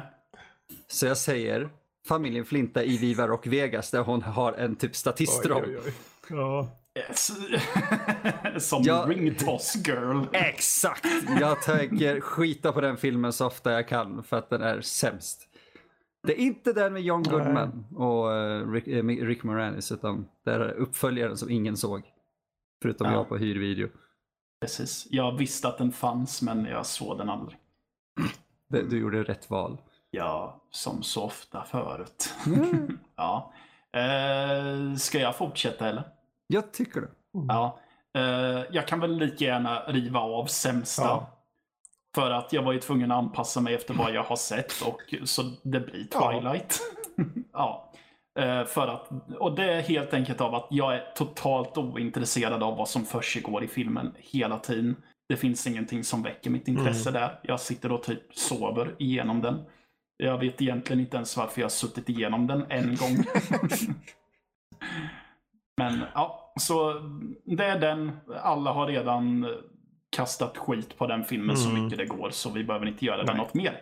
Eh, bäst däremot. Ja, nu blir det intressant. Den här, film, ja, den här filmen nämnde jag mm, Är det- häromdagen då vi sjösatte Oj, den, här, den här leken. Och då ville jag sätta den som bäst på en annan skådespelare.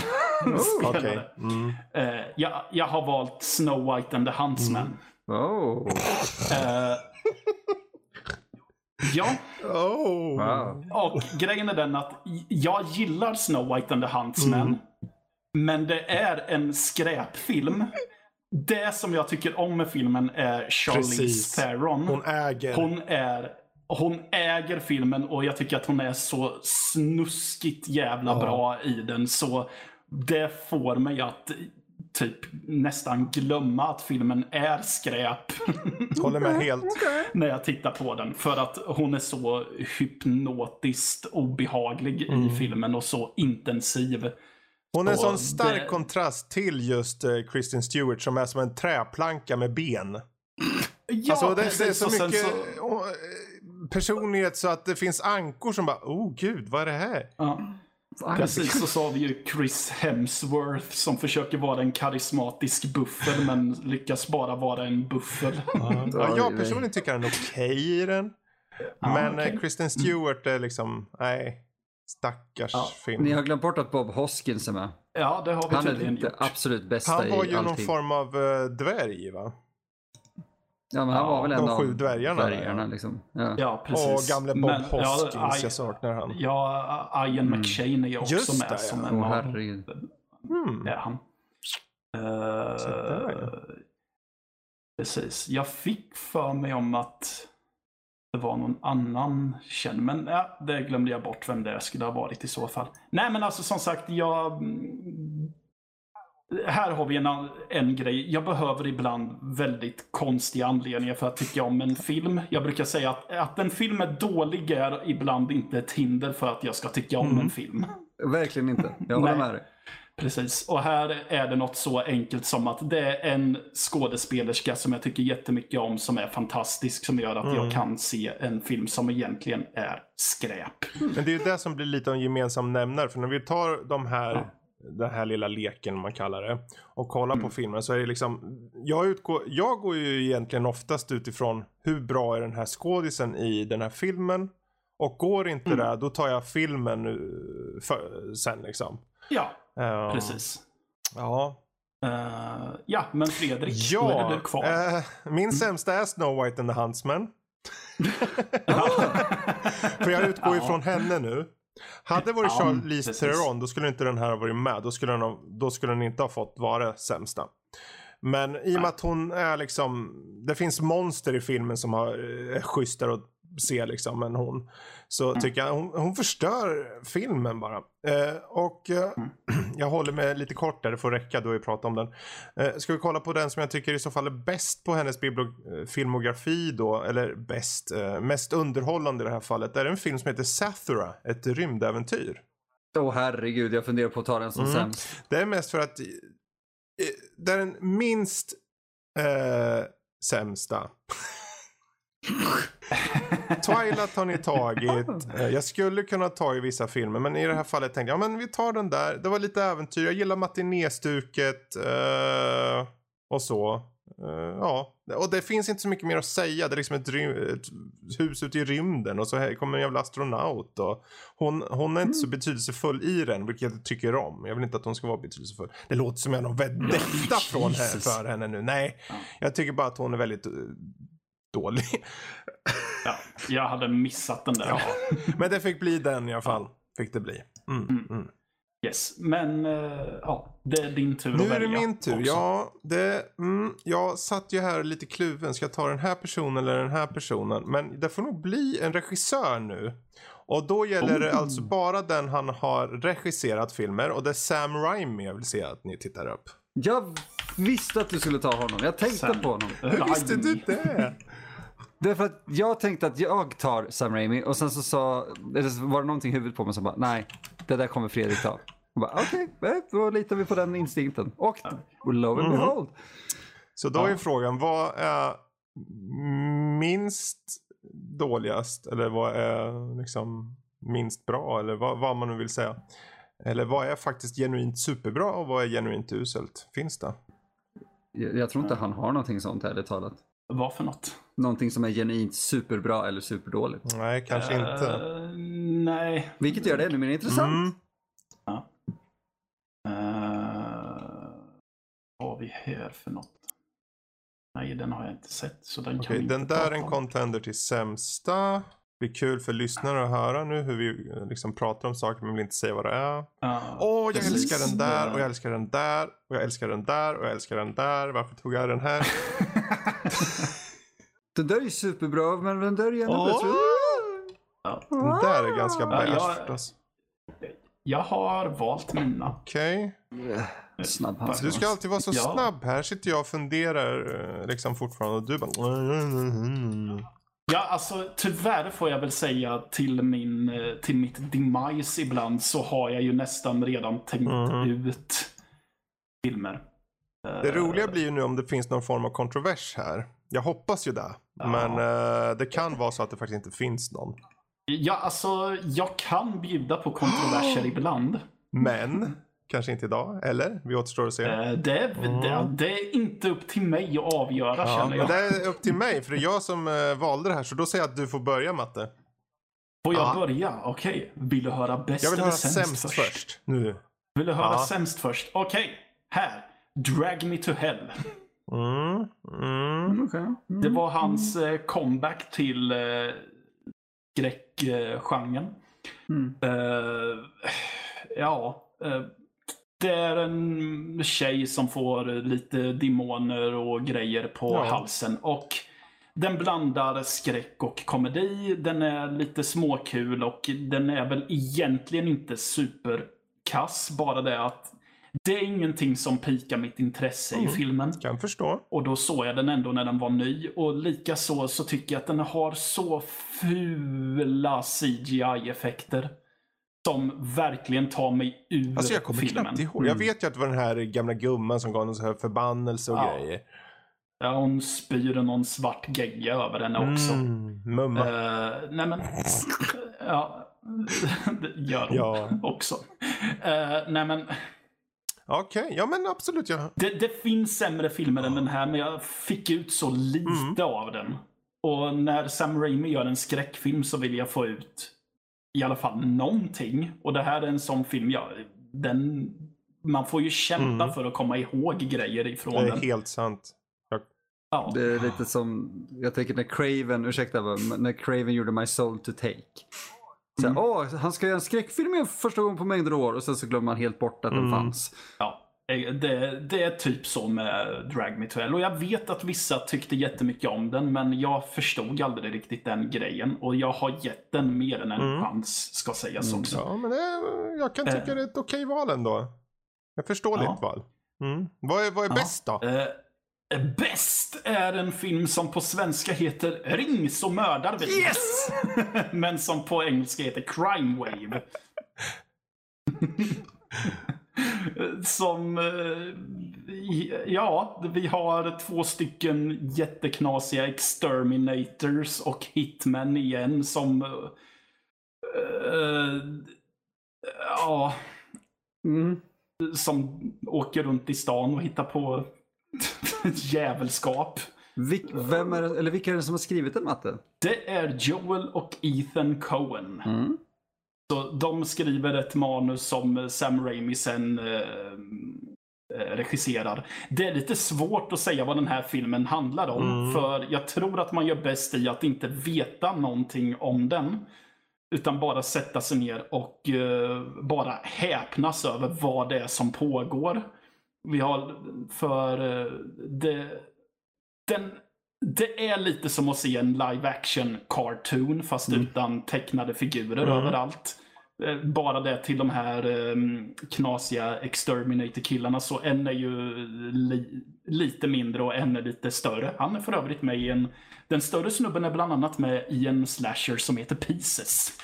Eh, och, det, och han är inte så intelligent utan han går mest bara runt och sucker punchar folk i ansiktet. Och vi har dessutom Bruce Campbell i en av hans roligaste karaktärer i form av Ronaldo the Heel. Som är, är en väldigt karismatisk uh, douche helt enkelt som försöker stöta på kvinnor på barer. Så, Mm. Ja, men det ja, ja. kul val. Kul val. Ja, precis. Jag eh, ville inte vara så uppenbar om man Mm. Jag säger kan ta så. dem uppenbara sen om det skulle vara så. Det kan, ja, Eller? precis. Ah, nu hoppar jag över till Emil här. Ja.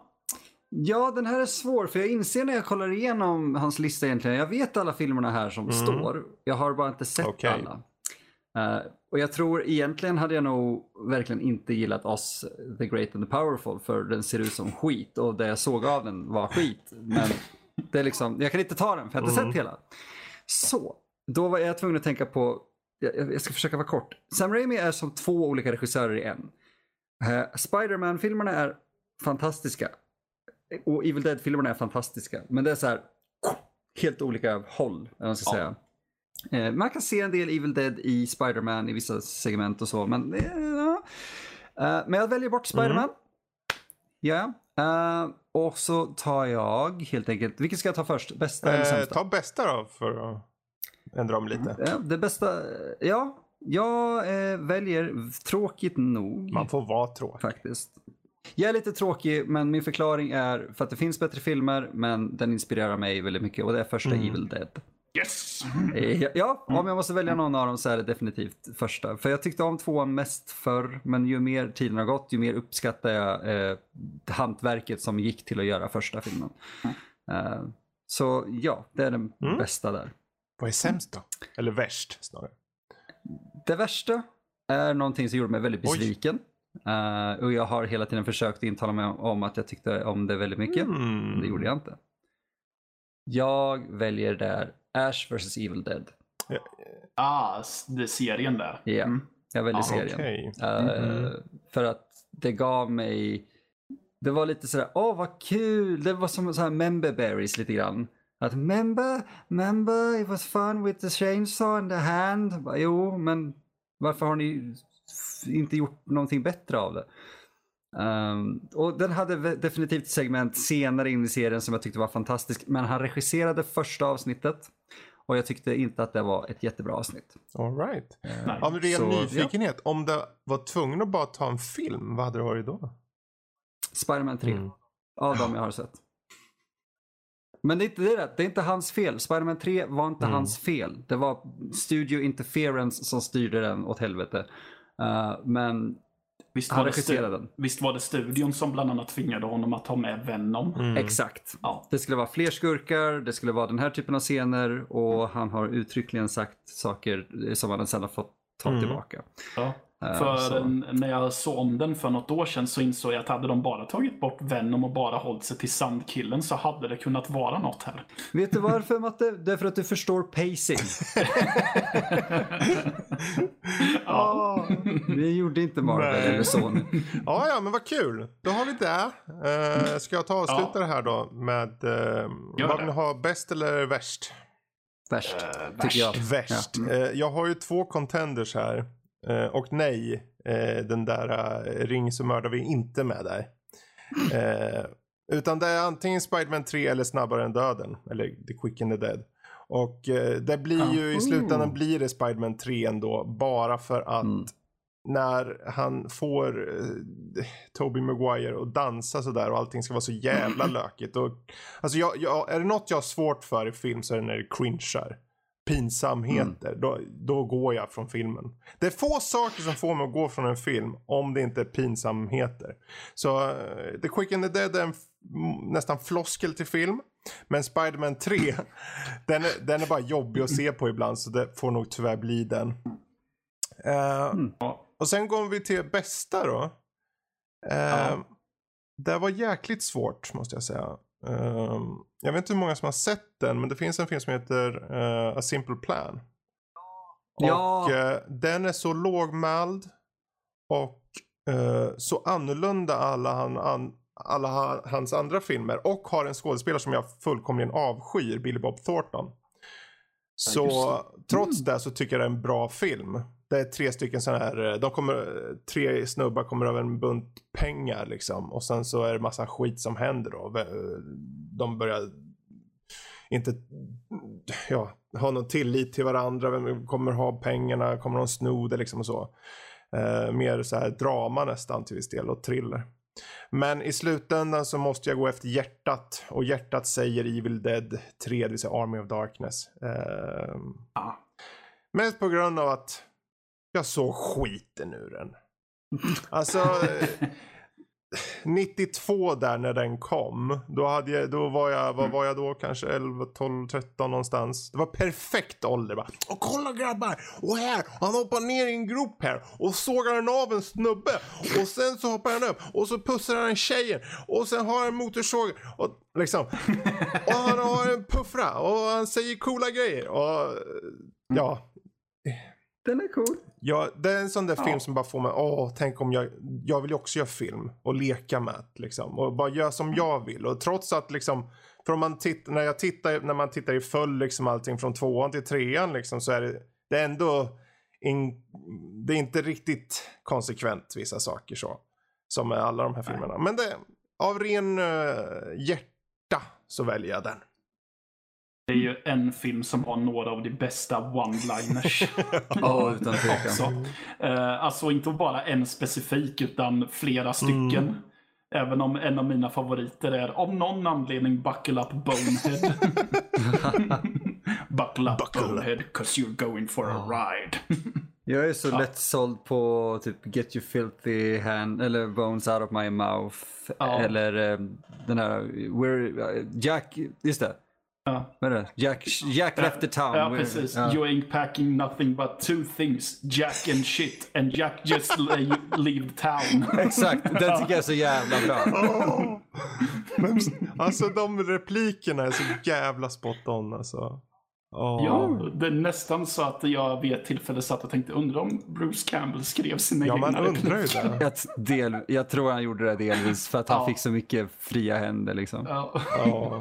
Han visste exakt vem karaktären var. Jag kan ju dock Ja, se, det finns, det precis. alltså rent så här uh, uppbyggnadsmässigt och rent hantverksmässigt så skulle jag nog egentligen tagit Simple Plan. Men uh, ja, Mm. från, utifrån hjärtat så blir det denna. Ja, och det är Nej. inte fel med det. Ja, det var en film jag funderade på att välja och det var Darkman. jag visste det. Mm. Men jag tog den inte på grund av att jag trodde att Ja, ja, kanske, kanske någon av er jag andra tänkte ju skulle ta välja. den på min sämsta. Ja. What? Mm. Men det tar vi för en Ja. annan gång. Ja, det Ja. får vi Men väl det är göra därför, då. vi får väl sätta Fan. punkt där för, um, för bästa Ja, och vi får värsta. Se. se. om det är någonting som ni vill höra mer om. Eller Ja, så kör vi bara på nästa gång, det får vi se. Uh, Ja, ja, men det tycker jag. S- ja, ska, vill, ni, vill ni pyssla med något mer eller ska vi tacka för oss? Ja. Eller vad säger ni? Vad tycker du? Vi har ju Mm. vissa saker som skulle kunna tas upp. Man kan vänta till nästa Ja. gång. Jag eh, är ju nyfiken på det ena och andra. Women of Horror Month under februari med tanke Ja. på... Exakt. Ja, just det, men det kan vi ju ta för att, eh, ja. Ja, Mm. februari är ju Women of Horror Month eh, inom genrevärlden. Eh, och det är helt enkelt att man lyfter upp och uppskattar och, och framhåller man ska säga, kvinnor inom skräckgenren särskilt och ja, Women of Mm. Horror. Um, vi har faktiskt eh, ett eh, avsnitt som kommer ut ja, i- nu i dagarna faktiskt med Sara Jersky. Där vi pratar med henne om hennes långfilm Sarjad och eh, hennes Mm. up and coming eh, kortfilm Creative När du Killer som säger vi så syftar du på Kultpodden då? Ja. Ja, Ja, ja precis, Mattias i precis. Kultpodden, ja precis. Och det kommer inte vara ett eh, avsnitt i sig utan det är här ett, ett bonus för eh, våra kära lyssnare. Så lyssna på det. Ja, Precis, ni får en liten gåva från oss helt enkelt. exakt. Så nu tar Ja. ni och lyssnar Ja. på den. Och befinner ni er i Stockholm så eh, Monsters of Film senare i februari. Mm. Det rekommenderar jag er att kolla in. Precis, där kan man ju bland annat se hennes Create Your Killer på första dagen va? Eh, exakt, den Ja. 15, 14 Mm. eller 15. Jag kommer inte Ja. riktigt ihåg vilket det var nu. Nej, Mm. precis. Eh, Så ja, det tycker jag att ni ska lyssna på. Den, hon är en cool människa. Kom, det det avsnittet kommer nu Mm. någon gång under månaden liksom? Eller är det någon? Det kommer komma eh, inom en, ett par Ja, dagar. Eh, Okej, så, okej, efter den här helgen som ni lyssnar på det här avsnittet när det här kommer ut. Så någon gång under veckan där. Exakt. Precis. Jättebra. Precis. Eh, Jag funderar på, för ursäkta, men jag, jag är så sugen bara att berätta lite kort Ja. om det här Meeting Gorbachev. Det låter sjukt tråkigt. Ja, men du, Ja. kör hårt. Eh, den är ju regis- eller regisserad är den inte. Den är ju en dokumentär. Dokumentären är gjord av Werner Herzog. Ja! Och eh, jag, Okej. på förhand visste jag inte det. Från nyligen eller? Den är bara ett år, något år gammal. Jag trodde till och med att Gorbachev Ja. själv var död alltså. Jag tänkte, vad tusan är det här? Och Werner Herzog gör Ja den? det, ja, det trodde jag definitivt. Och sen, alltså, ni får ju... Jag kanske har bott under en sten den senaste framtiden, men jag visste inte ens att Werner Herzog var verksam fortfarande. Alltså, allt jag vet är att han tydligen dyker upp i Star Wars Ja, Mandalorian. Och är, det, det är liksom, det är typ det jag ser så- fram emot. För att helt plötsligt, Åh, han är så bra. det är bara... Jaha, där har vi någon som har sett det redan. Men han, Men alltså ja, Werner alltså- Herzog, på något sätt så kombinerar han eh, i den här dokumentären att vara både klinisk som den tysk han är. Men också hjärtvärmande. Som den Ja, är. Alltså det, på, på många sätt är det en unik eh, dokumentär. För den handlar om poli, politiken eh, kring Gorbachev. Betydelsen av vad han gjorde och hur han är som person. Och han var ganska liberal för att vara, för att vara rysk tänkte jag säga. Men han verkar ganska liberal och han var ju med om allt det. Han, blev ju, han var ju tvungen att lämna sitsen som eh, ledare. Mm. Eh, de tryckte ju ut honom helt enkelt och det gav effekter i allt möjligt i hela hans liv liksom. Men han trodde verkligen på, jag måste ju säga att jag har haft fördomar om ryssar överlag. Det har vi nog alla. Men när jag såg Mm. den här eh, dokumentären så förändrades min syn faktiskt. Eh, hela den här dokumentären handlar om målet med att starta nedrustningen. Eh, att göra förbättringar för folket. För det var hans stora mål. Han ville förbättra livsstandarden liksom. Eh, och det fick mig att liksom då som sagt tänka över de här fördomarna jag hade.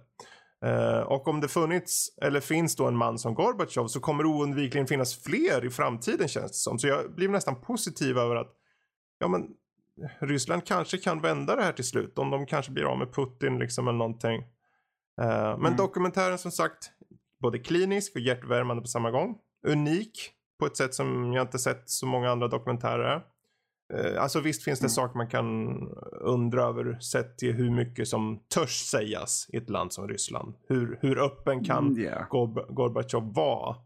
Men eh, jag tror att eh, det är en viktig dokumentär om en man som är liksom, trots att han är väldigt så här blygsam bakgrund har han. Men han är väldigt direkt, han, han tycker vad han tycker och han var en av de som tog in och pratade med andra ledare redan då, Ronald Reagan och han till och med pratade med Mar- Margaret Thatcher som var ganska väldigt eh, anti mycket av det han var. Men de kunde ändå prata och det är i kontrast till hur det ser ut idag. Idag finns det ju vissa kanske Ja. stora ledare som inte ens tar in andra. Men här på den här, precis då verkar det som att de, trots att de så tydligt hade olika åsikter så lyssnade de på varandra. Och han gjorde det och förändrade eh, så att han, han gjorde egentligen, och det här, han är ju sedd som eh, riksförrädare idag. Mm. Det visste inte jag om. Jag visste inte så att han Mm. levde. Men det är just... Det, låter, det låter som en intressantare dokumentär än eh, Oliver Stones typ intervjudokumentär Ja, med den, Putin. mycket, den här tycker jag är mycket Det- bättre. Den där, eh, det var Mm. mest som att Oliver Stone är lite så här, han vill bara för att han, Han- vill liksom. Men Werner Ja. Herzog, Ja. han pratar med så här folk Mm. runt om i hela världen. Det är ju inte bara Gorbachev han pratar med, han pratar om folk som Ja. hade kontakten med Gorbachev då. Ja, för, för här känns det som att han vill lyfta fram människan Ja. Gorbachev på ett sätt. Eh, Oliver Stone kändes sig som att han mest bara var ute efter att bekräfta den bilden som världen redan har om Precis, Putin. precis. Jag tror det här, för det här med nedrustning och sånt, vad, vad allt det här ledde till med Gorbachev var ju att Sovjet föll ju. Det blev ju alla de här nationerna, eller vad man ska säga, olika delarna. Och det var ju därför folk ser honom som en, en, en förrädare idag, många. Men i, Mm. i, i, eh, i, väst, alltså i väst, hos oss och så, så ser det är inte många som kanske tänker på det fortfarande nu. Eh, Gorbatjov var ju liksom en, en svunnen tid. Men jag personligen som var med till viss del då kommer ihåg allt det där.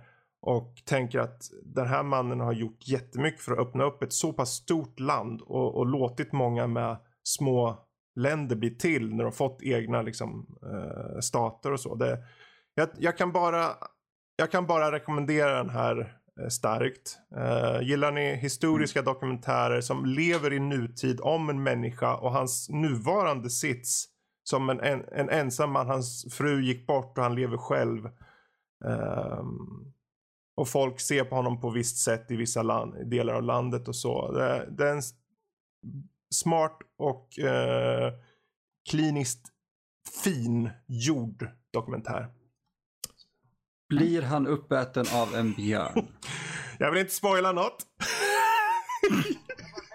Jag bara tänker, det är Ryssland och Werner Herzog. Ja, det är ju Werner Herzog blir uppäten och kravlar ut ur anuset på björnen. Och sen äter han upp björn. Det känns väldigt Werner Sen blir Herzog. skjuten. I will just... I crawled into a bear to get shot as a Russian. Ja, nej, men jag tror Ja, nog att, för, ja, ja. där har du det i alla fall. Jag ville bara ta den biten. För Ja. jag har väntat så länge och velat prata om den så jag tänkte att jag river av den. Ja. Som ett plåster. Nu fick Ja, du prata om ja. den också. Ja, precis. Jag funderar också på om vi ska diskutera, eller men det känns som att det är kanske ett la- lagom läge att avsluta Ja, vi nästan. kan det spara på diskussioner Ja. till nästa gång. Mm. Ja, precis. Nästa gång vi tre Ja, sitter. Eller några andra kanske. Nej, Eh, Får vi precis. se. Nej, det, nej, precis. Den här diskussionen Nu är är den för, eh, eh, vad- reserverad för oss Nej, tre. nu är den död. Nu är den död. Ja. Ja, men det har, varit, Jesus. det har varit trevligt att sitta ner med Det har pojkarna. Ja, Superbra. tycker jag. Eh, så, eh, då avslutar Mm. vi här då. Eh, ni lyssnare får gärna gå in på nördliv.se där ni kan hitta recensioner och eh, ni kan ni hittar till den här podden, ni hittar till Kultpodden och Tärningspodden. Mm. Och matiné. Så, och matiné också. Ingen Ursäkta så mycket. Nej, nej, det är ju lite pinsamt när man glömmer saker bara. Ja, det var kast Eh, alltså. ja, och så får ni gärna hoppa in på iTunes. Ni får ge ett betyg, ni får gilla oss och Mm. kommentera gärna där. Eh, även om ni bara vill säga hej eller bara skriva kommentar så go ahead. Det är eran tid. och ni gör vad ni vill med den. Har ni något på hjärtat? Vill ni önska något eh, diskussionsämne? Skriva en fråga till oss? Så är det bara att mejla på info at nordlivpodcast.se. Eh, På sociala medier får ni gärna följa oss. Ni får gärna interagera med oss på valfritt eh, sätt. ja, precis. Bara fantasin Ja, sätter då. gränser eller något sånt där. Ni så, återfinner Mattias på rosa sidorna. Rosa sid. så på... Ja, det är någon kontaktsida. Ja, på detta så detta kan ni göra på Twitter. Där heter vi nordliv.se och så kan ni ha, eller så går ni in på Instagram. Där heter vi också nordliv.se. Ja, det var väl det hela. Ja, just det. Ni får hemskt gärna gå in på Patreon och eh, stötta oss där. Så får ni också tillgång till lite extra Precis. material. Och jag kan ju bara spoila Ja. lite där att det faktiskt kommer. Vi har Ja. varje helg nu som kommer. De närmsta hel- helgerna så kommer det specialavsnitt. Nördlig After Dark. Ja, Det är om Mhm. till exempel gamla spel, nya tag. Vilka spel är värda att ta och plocka upp? Kanske 10, 15, 5 år senare. Uh, det kan Mm. vara om, och de som har till exempel kommit, kommit ut redan. Det är till exempel så här när man, hur skulle det vara om vi förde över eh, Lord of the Rings till att eh, befinna sig i Sverige? Vad är var Ja. och varför låter de som skåningar i uh, Rohan? Och sen då varför inte lite längre fram berättelsen om Kultpodden. Hur kom den till? Varför låter Emil som en mås ofta? Vad är grejen med det? Ja, massor med sådana frågor och eh, häftiga specialavsnitt. Det hittar ni på vår Patreon-sida. Ja. precis. Ja. Nej men det var väl allt för det den här jag. gången. Det har varit super Ja. dunderbra. Det är Det fastnar tycker jag. ordet i halsen där. som en mås. Ja, men då återstår ju bara en sak. Och det är något så banalt. Jag tror att jag har sagt det väldigt mycket i det här Okej. avsnittet. Men det struntar vi i nu, för nu ska jag säga hej då. Hail to the king baby. Jag skickar cykeln.